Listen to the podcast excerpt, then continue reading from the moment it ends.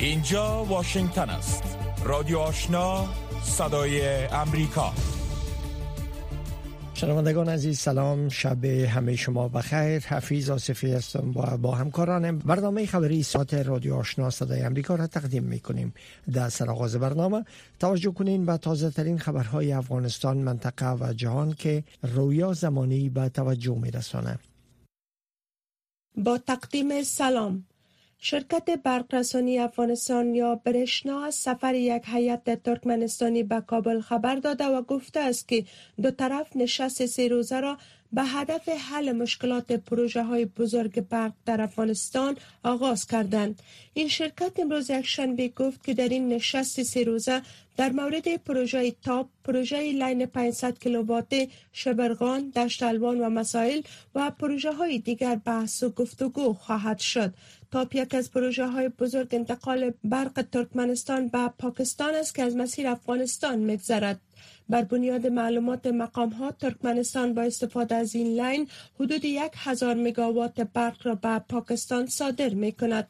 افغانستان از این پروژه برق رسانی نه تنها سالانه یک هزار مگاوات برق را از طریق این line به دست می آورد بلکه حدود 100 میلیون دلار نیز از انتقال برق ترکمنستان به پاکستان حق ترانزیت خواهد گرفت.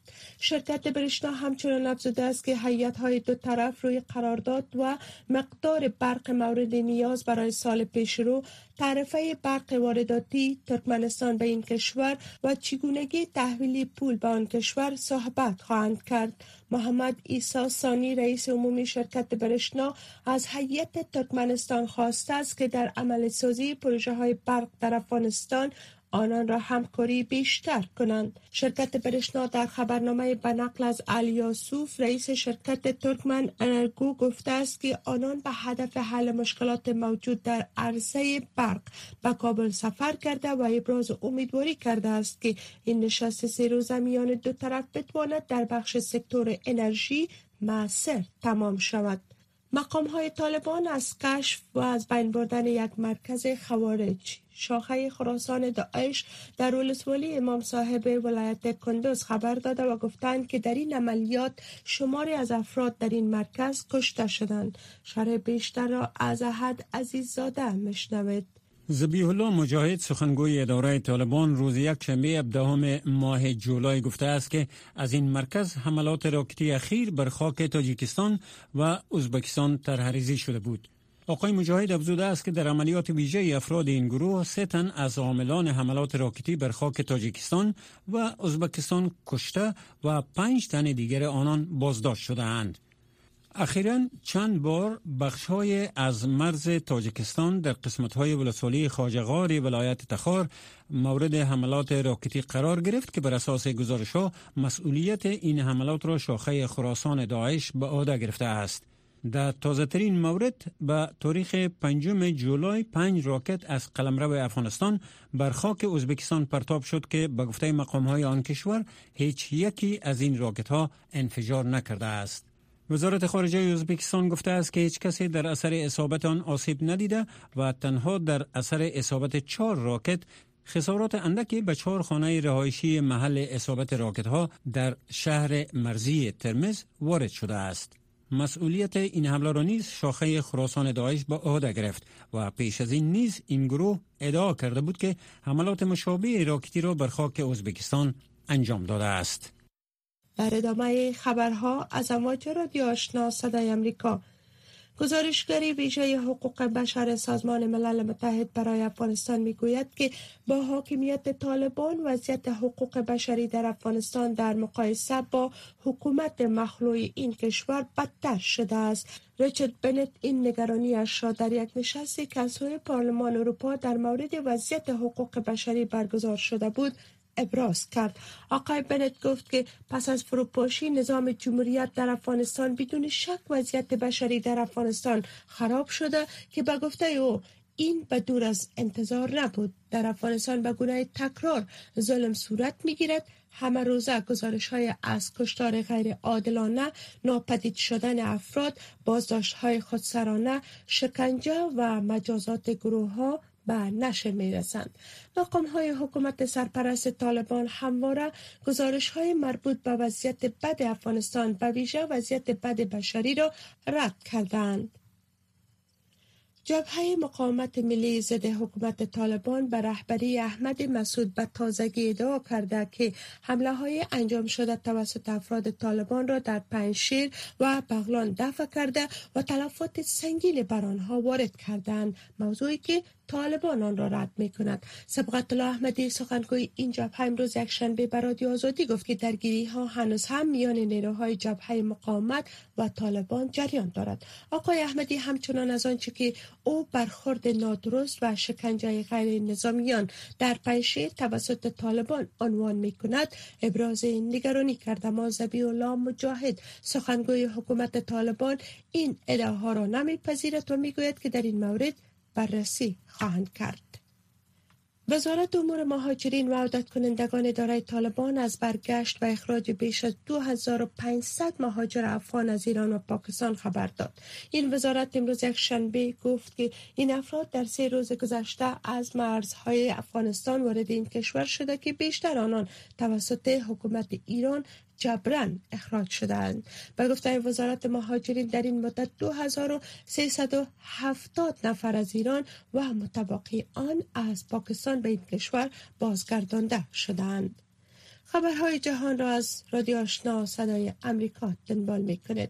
یارد لبت سرپرست صدر اسرائیل امروز شنبه گفت که او در دیدارش با جو بایدن رئیس جمهوری ایالات متحده در اوایل هفته جوری مخالفت اسرائیل را با توافق هسته‌ای میان قدرت‌های جهان و ایران تکرار کرده است آقای لپت در صحبت با وزیران کابینه گفت که اسرائیل حق کامل عمل آزاد را در چگونگی مقابله با برنامه هسته ایران محفوظ می دارد. اسرائیل از مخالفان سرسخت توافق هسته سال 2015 با ایران بود و از تصمیم دانالد ترامپ رئیس جمهور پیشین امریکا برای خروج یک جانبه از این توافق استقبال کرده بود.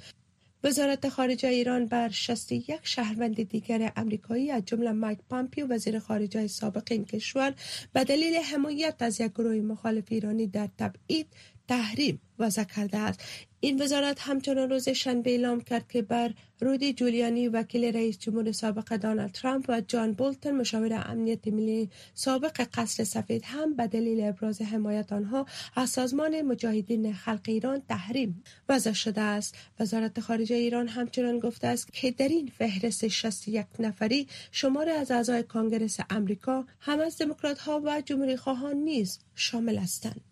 یک تیاره باربری نو انتونوف اواخر دیروز در نزدیک شهر کاوالا در شمال یونان سقوط کرد. وزیر دفاع سربیا امروز گفت که این تیاره 11 تن اسلحه را از آن کشور به بنگلادش حمل می‌کرد به گزارش رسانه دولتی یونان یا تی همه هشت عمله تیاره متعلق به شرکت هوایی اوکراین جان باختند. وزیر دفاع سربیا تایید کرد که مالک تیاره یک شرکت اوکراینی است. به گفته او اسلحه توسط ولیر یک شرکت خصوصی تولید کننده اسلحه در سربیا منتقل می شد این مقام سربیایی افزوده است که این اسلحه در چارچوب توافق با وزارت دفاع بنگلادش و مطابق قوانین بین المللی منتقل می شد در روزهای اخیر حملات راکتی و توپخانه روسیه در بسیاری از شهرهای اوکراین تشدید یافته که بر اساس ادعای کیف ده ها تن در نتیجه آن کشته شدند.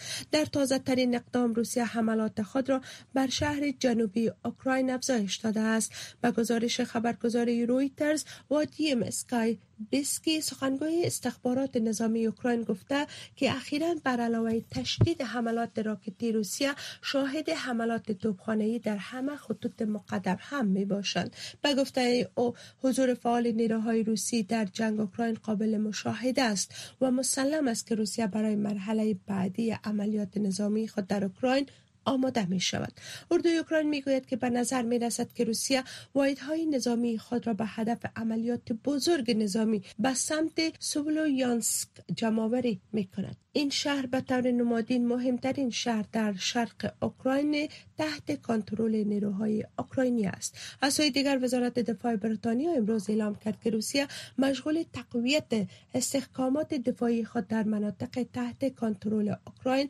در جنوب آن کشور است.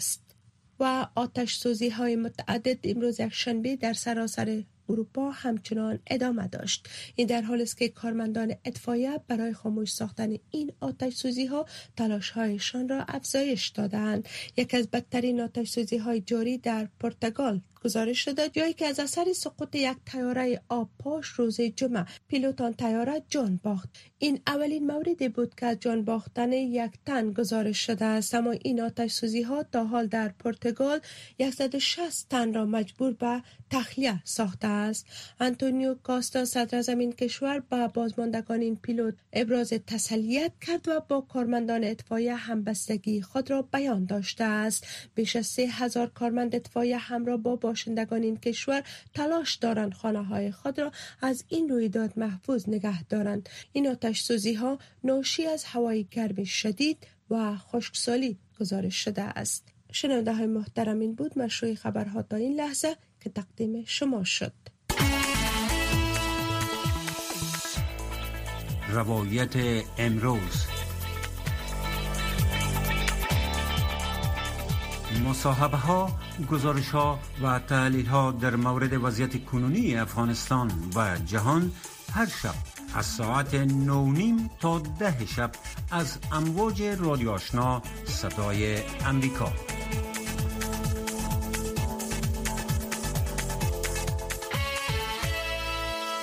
خبرهای افغانستان منطقه و جهان از رادیو آشنا صدای امریکا شنیدین. آل هم گزارش های ای برنامه.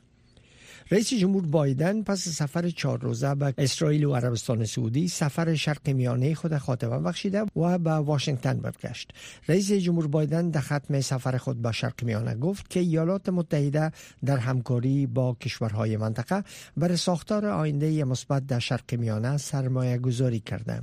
ژیلا نوری در گزارش جزئیات سفر آقای بایدن به توجه میرسانه جو بایدن رئیس جمهور ایالات متحده پس سفر چهار روزه به منطقه شرق میانه به واشنگتن برگشت وی در این سفر از اسرائیل و عربستان سعودی دیدن نمود و تعهد امریکا را در قبال منطقه به دلیل نفوذ ایران، روسیه و چین نشان داد و هدف سفرش احیای روابط میان کشورهای عرب و تولید کننده نفت در منطقه بود. آقای بایدن در سخنرانیش در نشست شورای همکاری خلیج در مورد استراتژی شرق میانه صحبت نمود و روی همکاری کشورها در برابر تهدیدات در منطقه غور نمود. ایالات متحده نمی‌خواهد تهدیدات در برابر ثبات منطقه را نادیده بگیرد. ما روی کاهش تنش ها کار می‌کنیم و می‌خواهیم مخالفت ها را تا جایی که امکان دارد از بین ببریم. این روش تا جای تفرقه ها را زدوده است. من در مورد یمن نیز گفتم. ما با عربستان سعودی عمان و امارات متحده عربی و سازمان ملل متحد قبل از آتش بس که حال 15 هفته از آن میگذرد کار می‌کردیم. آقای بایدن از رهبران کشورها در رایدهی مجمع عمومی سازمان ملل متحد در تخبه تهاجم روسیه بر اوکراین سپاسگزاری نمود. گفت یک لحظه حساس بود. می‌خواهم سفرم را به یک جمله خلاصه کنم. ایالات متحده برای آینده مثبت در منطقه در همکاری شما سرمایه گذاری نموده است. ایالات متحده هیچ جای نمی رود و مشکلات و راه های حل وجود دارد. این در حال است که قیمت بالای نفت باعث ایجاد تورم در ایالات متحده و در سطح جهان شده است و باعث کاهش رقم محبوبیت بایدن در ایالات متحده گردیده است. در این میان وزیر خارجه سعودی در سخنرانی خود گفت عربستان سعودی از بازار نفت نظارت می کند و روی تصمیم افزایش تولیدات نفت تصمیم خواهد گرفت. تولیدات اوپک به طور مشخص در نشست مورد بحث قرار نگرفت. واقعا موضوع این نشست نبود. اما واضح است که گروه اوپک پلاس در پاسخ به شرایط بازار رسیدگی می کند و آنها شرایط فروش نفت را تحت نظر دارند و آنچه که لازم باشد برای ایجاد توازن در بازار نفت انجام می دهند ما با دوستان امریکا در این مورد صحبت می کنیم موضوعی که سفر بایدن را تحت شاه قرار داد موضوع کشته شدن جمال خاشقچی خبرنگار واشنگتن پست بود. نتیجه تحقیقات استخبارات آمریکا مشخص نموده است که در سال 2018 مقامات سعودی دستور کشته شدن خاشقچی را دادند. اما سعودی این اتهامات را مکررا رد نموده است. وزیر خارجه عربستان سعودی در کنفرانس خبری نیز این موضوع عربستان را تکرار نمود. آقای بایدن در سفرش به سعودی امیدوار بود تا گروه اوپک تولیدات نفت خود را افزایش دهند. اما عربستان سعودی به حفظ استراتژی فعلیش در چهار چوکات اتحاد اوپک و شمول روسیه تاکید نمود و گفت به تنهایی اقدام نخواهد کرد. در واکنش به این سفر بایدن به منطقه بعد از اعتراضی که در فلسطین در قبال ملاقات او با مقاومت اسرائیل صورت گرفت در تهران نیز شمار از متعرضین محافظه کار با سوختاندن بیرق امریکا و اسرائیل در برابر دیدار رئیس جمهور بایدن به شق میانه و دیستوزی روابط اسرائیل با کشورهای عرب اعتراض نمودند. شنوندگان گرامی رادیو آشنا صدای امریکا نشرات رادیو آشنا را در موج متوسط 1296 موج کوتاه 11575 اشاری سفر و در موج 972 کیلوهرتز شنیده می توانید. شنیدید که جو بایدن رئیس جمهوری ایالات متحده بعد تازگی سفر شرقی میانه به واشنگتن برگشت. آقای بایدن روز شنبه در نشست شورای همکاری خلیج فارس در شهر جده در عربستان سعودی گفت اما کنار نخواهیم رفت و خلایی را باقی نمی‌گذاریم که آن را چین، روسیه و یا ایران پر کنند. نسرین محمود عزیزی در رابطه به اهداف سفر رئیس جمهوری ایالات متحده به شرق میانه مصاحبه با دکتر علم پایند رئیس مرکز مطالعات شرق میانه در دانشگاه ایالت اوهایو انجام داده که با هم میشنویم پروفسور پایند استدلال شما از تاثیرات سیاسی و اقتصادی اولین سفر رئیس جمهور آقای بایدن به شرق میانه در این مقطع چی است؟ اصلا چندین موضوع دو موضوع مهمتر از, از موضوعات دیگر است. یکی است که مسئله تقویه کردن مناسبات اقتصادی سیاسی و امنیتی در شرق میانه که با سران نو ممالک دیگر عربی دیدن کرد در جده و در عربستان سعودی و همچنان مسئله دومی که بسیار مهم بود در سفر مسئله قیمت روزافزون تیل است در دنیا در جهان. که از این جلوگیری شوه و اینی ممالک عربی که اینا تیل دارن تعداد استخراج از رو اضافه تر بسازن که اینی بحران اقتصادی را که تقریبا تمام جهان گرفته جلوی از گرفته شد این دو مسئله مهمتر از مسائل دیگه بود. البته مسائل خرد و ریزی دیگه بود که یکی از جمله مسئله اینمی کشتن عدنان کشوخجی که یکی از نویسنده های واشنگتن پست بود و این تقریبا تابعیت امریکا را نداشت ولی در امریکا زندگی میکرد و او تقریبا به یک شکل مرموز در صفا در در کنسولگری عربستان سعودی در استانبول کشته شد. اونو را هم یادآوری کرد با چی؟ با محمد بن سلمان این سه مسئله مهمتر از مسائل دیگر بود در چارچوب منطقوی شما چی فکر می‌کنین که چه تحولات رونما خواهد شد؟ اصلا همین مسئله با نو ممالک عربی دیگر. اینا حراس دارن از ایران که ایران در در تاسیسات زروی و اتمی خود اقدامات کرده و امکان داره که در ایران موافق شود که یک یک بم اتم بسازن یا بم زروی یا اسلحه زروی ده جلوگیری از این که در این مسئله خود اسرائیل و ممالک عربی هم تشویش دارند این مسئله مهمتر است. مسئله امنیتی است که مسئله اقتصادی و امنیتی در شرق میانه است. با این ممالک عربی که از خریدار تولیدات امریکایی امریکا هستند از مصر گرفته تا به دولت امارات و عربستان سعودی و قطر و بحرین. اینی ممالک نو مملکت عربی در اونجا اشتراک داشته در مجلس. با این مسائلی که شما مطرح کردین سفر آقای بایدن بر آینده رابط بین ایالات متحده و کشورهای شرقی میانه چقدر اثرگذار خواهد بود؟ اصلا ممالک عربی به پشتیبانی امریکا ضرورت داره. دولت از عربستان سعودی گرفته تا دولت امارات قطر کویت بحرین. اینا همه رژیم های خاندانی هستند اینا.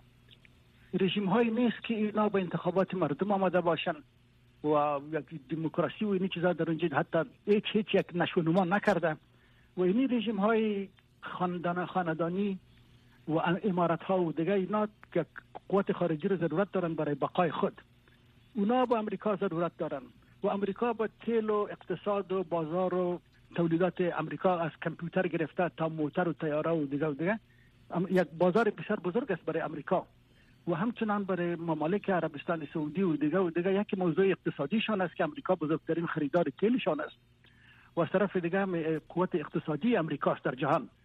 قدرت اقتصادی و بانکی جهانی ازیم که مسئله دلار است. اونا به امریکا ضرورت دارن امریکا به اونا ضرورت دارن. این چیزی است که دو جانبه است. و یعنی بایدن می‌خواه اینمی تقویه بخش و در اینمی ساحه کار بکنه و او فکر می‌کنه که من موافق هستم در اینمی سفر چند روزی که در شرقی میانه بود. ولی این در داخل امریکا این مورد انتقاد قرار گرفته از طرف مخالفین بایدن و از طرف پارتی جمهوری خواه امریکا. اونا میخوان که این وضعیت اینا گرفتن از استفاده بکنن برای انتخابات آینده که تقریبا در دو سال آینده یک انتخابات ریاست جمهوری امریکا میشه و در ماه نوامبر حتی یک قسمت کنگرس امریکا هم سناتورا یک یک سلس سناتورا و تقریبا تمام کنگرسمنا سر انتخاب میشه. اینا میخوان که در این مبارزات انتخاباتی یک تعدادی از اینا می‌خوان که انتقاد کنن بایدن و طرفدارایش می‌خواد که یک سفر موافقانه بود. تشکر از وقتتان.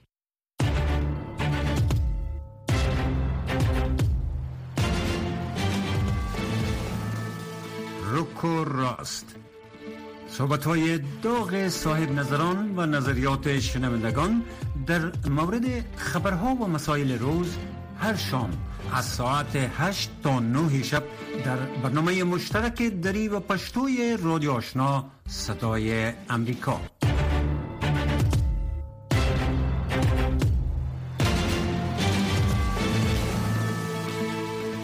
نهاد تحقیقاتی جیمستان در واشنگتن دی سی اخیرا در گزارش نوشته که شاخه خراسان گروه داعش به فعالیت خود در مورد استخدام نیروهای بیشتر از حوزه تاجیک نشین افغانستان و تاجیکستان افزایش بخشیده. ای در حالی است که طالبان همواره حضور داعش در افغانستان بسیار کمرنگ جلوه دادند.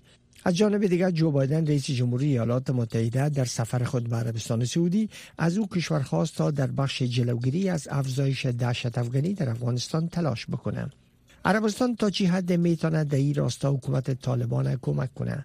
برای بحث روی این موضوع نجیب خلیل مصاحبه با آرش یقین پژوهشگر مطالعات دفاعی و امنیت ملی در انستیتوت جانی انجام داده که با هم بشنویم.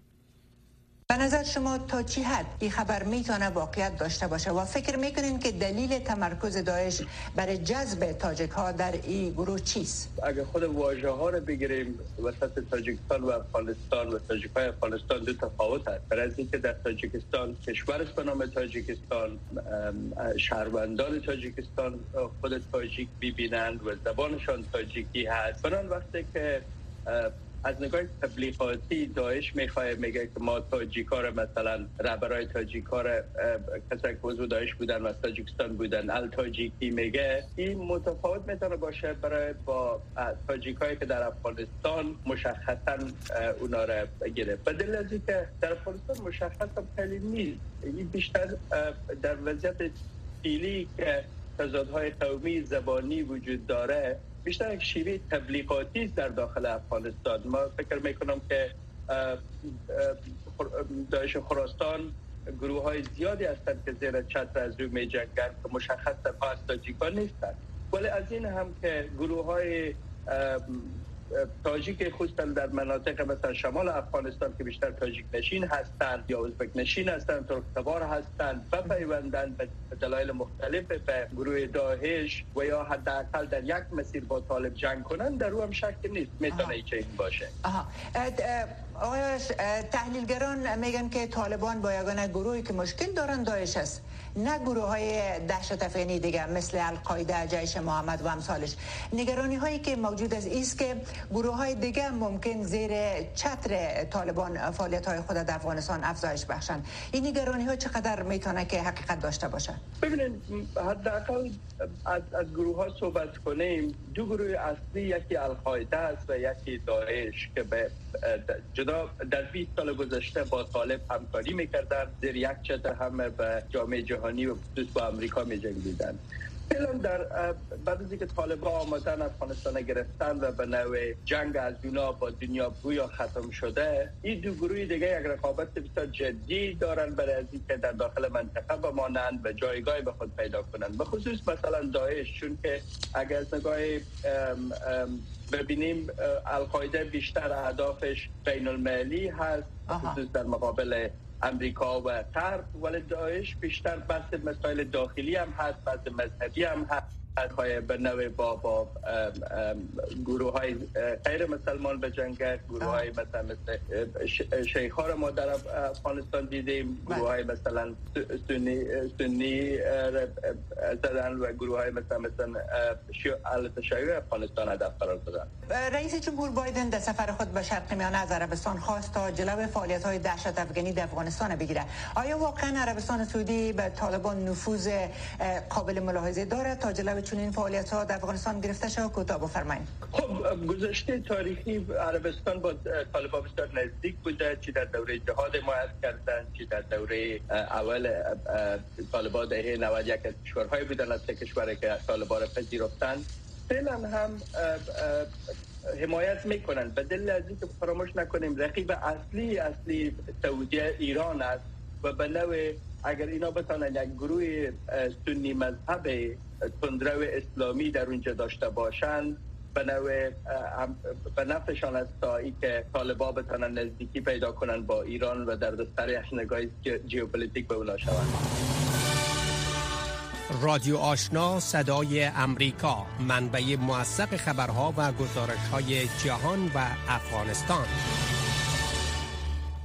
مقام های امریکایی به خاطر گزارش های ابراز نگرانی کردند که از برنامه ریزی یک تاجم جدید ترکیه علیه جنگجویان کرد ساکن در سوریه که حمایت ایالات متحده را با خود دارند حکایت می‌کنه. غیر نظامیان ساکن در شهر قامشلی در شمال شرق سوریه هم از بابت نگران هستند. گزارش زانه عمر خبرنگار صدای امریکا را از سوریه قدیر مشرف با توجه میرسانه. شهر قامشلی کردنشین سوریه در بیش از 11 سال جنگ داخلی در این کشور نسبتا امن باقی مانده است. اما اگر ترکیه یک عملیات نظامی را که از چندین هفته بدین سو تهدید می کند آغاز نماید مصطفی باشنده قامشلی می گوید که ممکن این وضعیت به زودی متغیر شود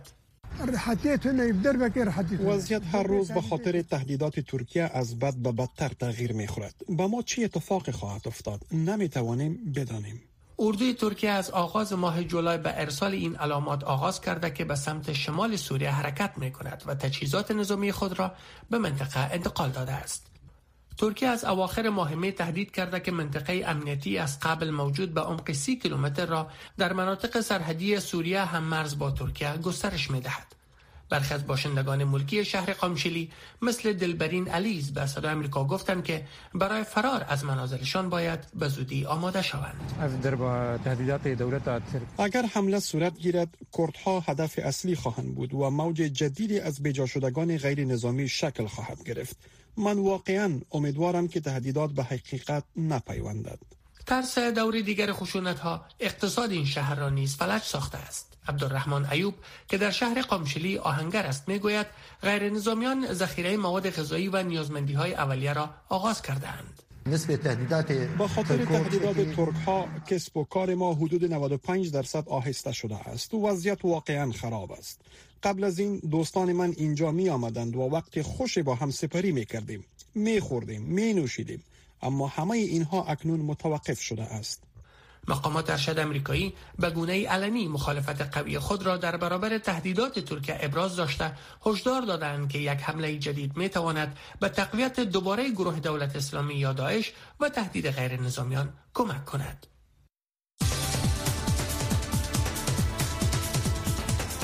صدای امریکا در رسانه های اجتماعی حضور فعال دارد. هر روز اخبار و گزارش های جالب را از طریق فیسبوک، تویتر، تلگرام و اینستاگرام صدای امریکا دنبال کنید.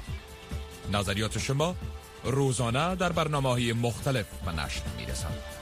شنونده رادیو آشنا باشید.